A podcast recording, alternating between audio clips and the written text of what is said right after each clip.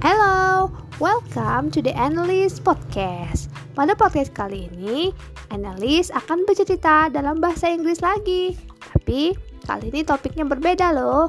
Yuk kita tanya, Analyst mau bicara tentang apa? Mm, ini judulnya I'm an honest kid. Oke, yuk kita mulai aja. Let's get started. Okay, let's get started. After school, students clean their classroom. Today is my turn to clean the classroom. My task is to sweep the floor. One of my friends cleaned the tables. When I sweep the floor, I found a money.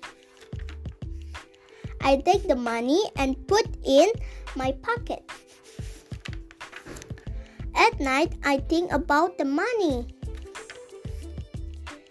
Then, I remember what my teacher said. If you find money, make an announcement. Maybe some lost it. In the morning, in the morning, I make an announcement. Who is losing money? One of my friends raised her hand. She said she lost the money. I give her the money I found. She is so happy and thank to me. I feel relieved too. Tama, thank you. Bye bye.